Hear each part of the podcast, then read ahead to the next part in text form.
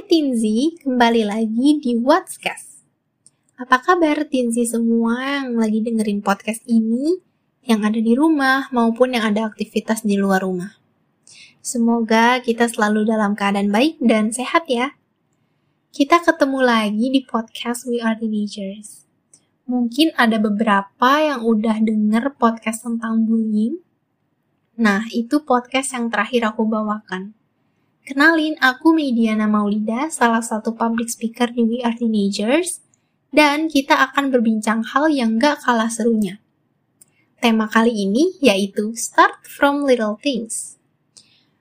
Dan berkaitan sama temanya, ada satu pepatah yang aku yakin beberapa tinzi pasti udah sering banget dengernya. Atau ya setidaknya satu dua kali pernah dengar. Bunyinya kayak gini.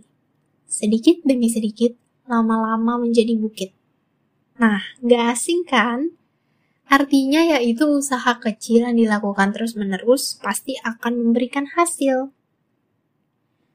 Usaha tersebut berhubungan sama hasilnya. Apabila kita melakukan usaha-usaha kecil yang baik, usaha-usaha yang positif, maka akan memberikan hasil yang baik pula. Pepatah tersebut emang benar adanya. Semua hal besar ya harus dimulai dari hal kecil terlebih dahulu. Tapi ada kesulitan. Kesulitannya biasanya itu untuk memulai. Akan ada banyak keraguan dalam pikiran kita, padahal hal kecil itulah awal dari sebuah proses. Contohnya, untuk bisa sampai pada anak tangga ke-30, maka kita harus melewati dulu anak tangga yang ke-1, kedua, dan seterusnya. Nggak mungkin kan kalau kita langsung lompat ke anak tangga ke-30 tanpa melewati anak tangga sebelumnya. Nah, tapi gimana kalau kita ragu? Tenang, itu hal yang wajar. Kalau Tinzi di rumah pernah merasa ragu, berarti nggak sendirian, karena aku pun pernah merasakan keraguan-keraguan tersebut. Ragu memulai, dan takut gagal itu hal manusiawi. Tapi ketika ketakutan itu berlebihan, patut dipertanyakan sebagai perenungan juga. Apa nggak sayang sama waktu yang udah terbuang?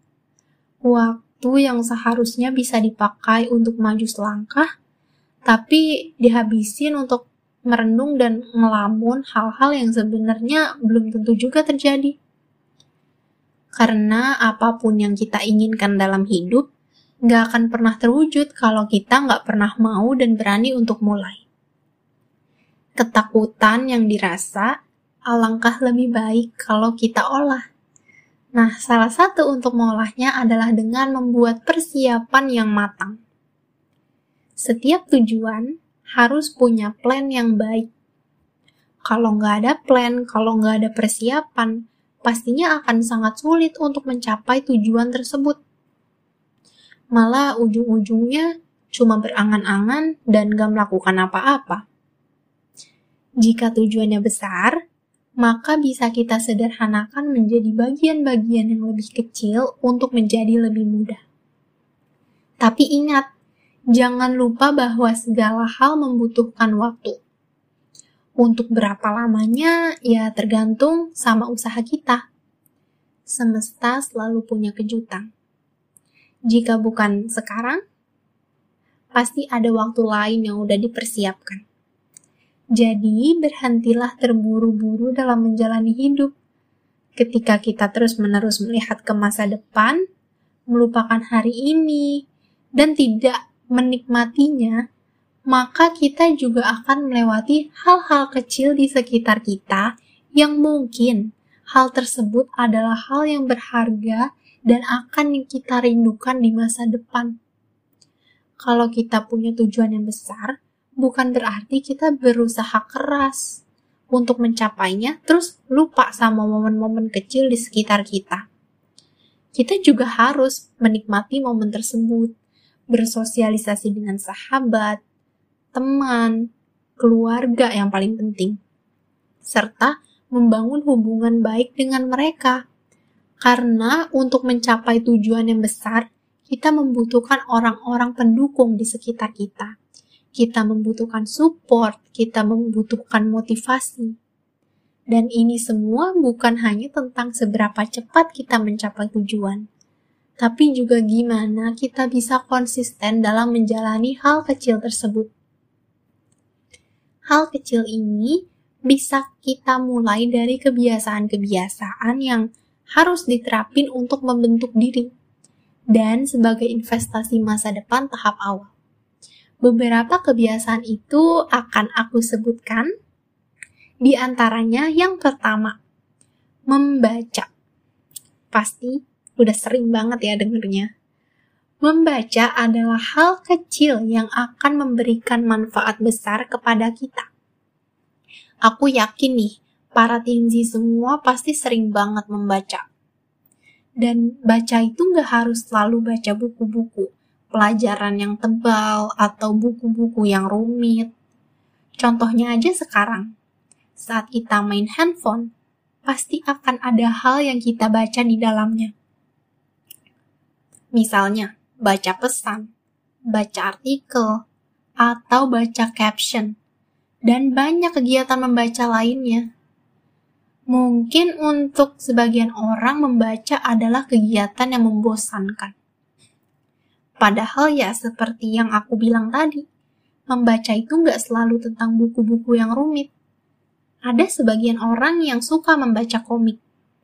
Ada juga sebagian orang yang suka baca novel. Tapi penting untuk kita tetap memastikan bahwa bacaan-bacaan itu adalah bacaan yang berkualitas. Nah, aku juga sering dengar buku adalah jendela dunia. Apa artinya? Artinya, dengan buku kita dapat menjelajah dan mengetahui tentang dunia di saat kita belum bisa menjelajah dunia secara langsung. Dan hebatnya, dengan buku juga dapat membuka dan memperluas wawasan. Aku kasih contoh kecilnya. Semisal kita belum pernah pergi ke negara Jepang, tapi kita ingin tahu seperti apa suasana di sana, pariwisatanya, perekonomiannya. Ya, walaupun beda ya experience-nya ketika kita pergi langsung ke sana, dan pada saat kita membacanya lewat buku, kita mengetahuinya dari buku, pasti experience-nya tetap beda. Tapi setidaknya dengan buku, kita dapat mengurangi rasa penasaran kita. Dan setidaknya kita udah punya gambaran dan beberapa informasi tentang negara tersebut. Itu contohnya. Nah, kebiasaan yang kedua yaitu tepat waktu membiasakan diri untuk menghargai waktu adalah investasi terbaik yang bisa diberikan untuk diri sendiri di masa depan. Dengan tepat waktu, dapat nunjukin bahwa kita adalah sosok yang komitmen dan dapat diandalkan. Contohnya, kalau kita janjian sama temen, kan gak enak kalau kita membiarkan mereka nunggu, apalagi sampai nunggu lama. Jadi penting untuk selalu on time. Tepat waktu juga penting untuk membangun first impression orang terhadap kita menjadi first impression yang baik. Kalau baru pertama kali mau ketemu dan kita udah telat, pastinya orang akan menganggap atau mempunyai first impression ke kita itu buruk. Nah, jadi penting ya untuk selalu on time. Yang ketiga adalah kebiasaan bangun lebih pagi. Kebiasaan bangun pagi membuat kita melalui hari dengan lebih produktif. Kenapa? Karena banyak waktu yang bisa dimanfaatkan. Kebiasaan bangun pagi juga dapat memudahkan perencanaan dan persiapan, sehingga kita kegiatannya akan lebih struktur. Dan pada saat hari itu kita udah tahu apa aja hal yang mau kita lakuin. Jadi nggak ada nih pikiran-pikiran atau pertanyaan-pertanyaan dalam diri yang membuat kita kebingungan harus ngapain. Aduh, abis ini aku ngerjain apa ya? Aduh, abis ini aku ngapain ya biar nggak bosen? Padahal sebenarnya banyak kegiatan yang harus kita lakuin. Nah, dengan kebiasaan ini juga dapat menjadikan kita orang yang disiplin. Poin kedua tadi tepat waktu dan poin yang bangun lebih pagi itu berhubungan sama manajemen waktu. Oke, singkatnya manajemen waktu itu perencanaan waktu untuk melakukan berbagai aktivitas yang mempengaruhi sama produktivitas. Manajemen waktu ini juga merupakan bentuk kedisiplinan masa kini yang akan membuat hidup lebih teratur. Kembali lagi, sebesar apa pun rencana, sebesar apa pun keinginan, kalau nggak pernah mulai dari hal-hal yang sederhana, jangan harap bisa mencapainya. Dan ingat, nggak ada orang bodoh.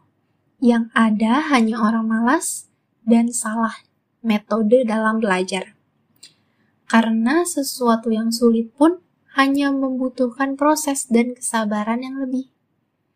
Seperti yang dikatakan oleh Saul Below, siapa pun yang ingin mencapai tujuan yang jauh harus mengambil langkah-langkah kecil.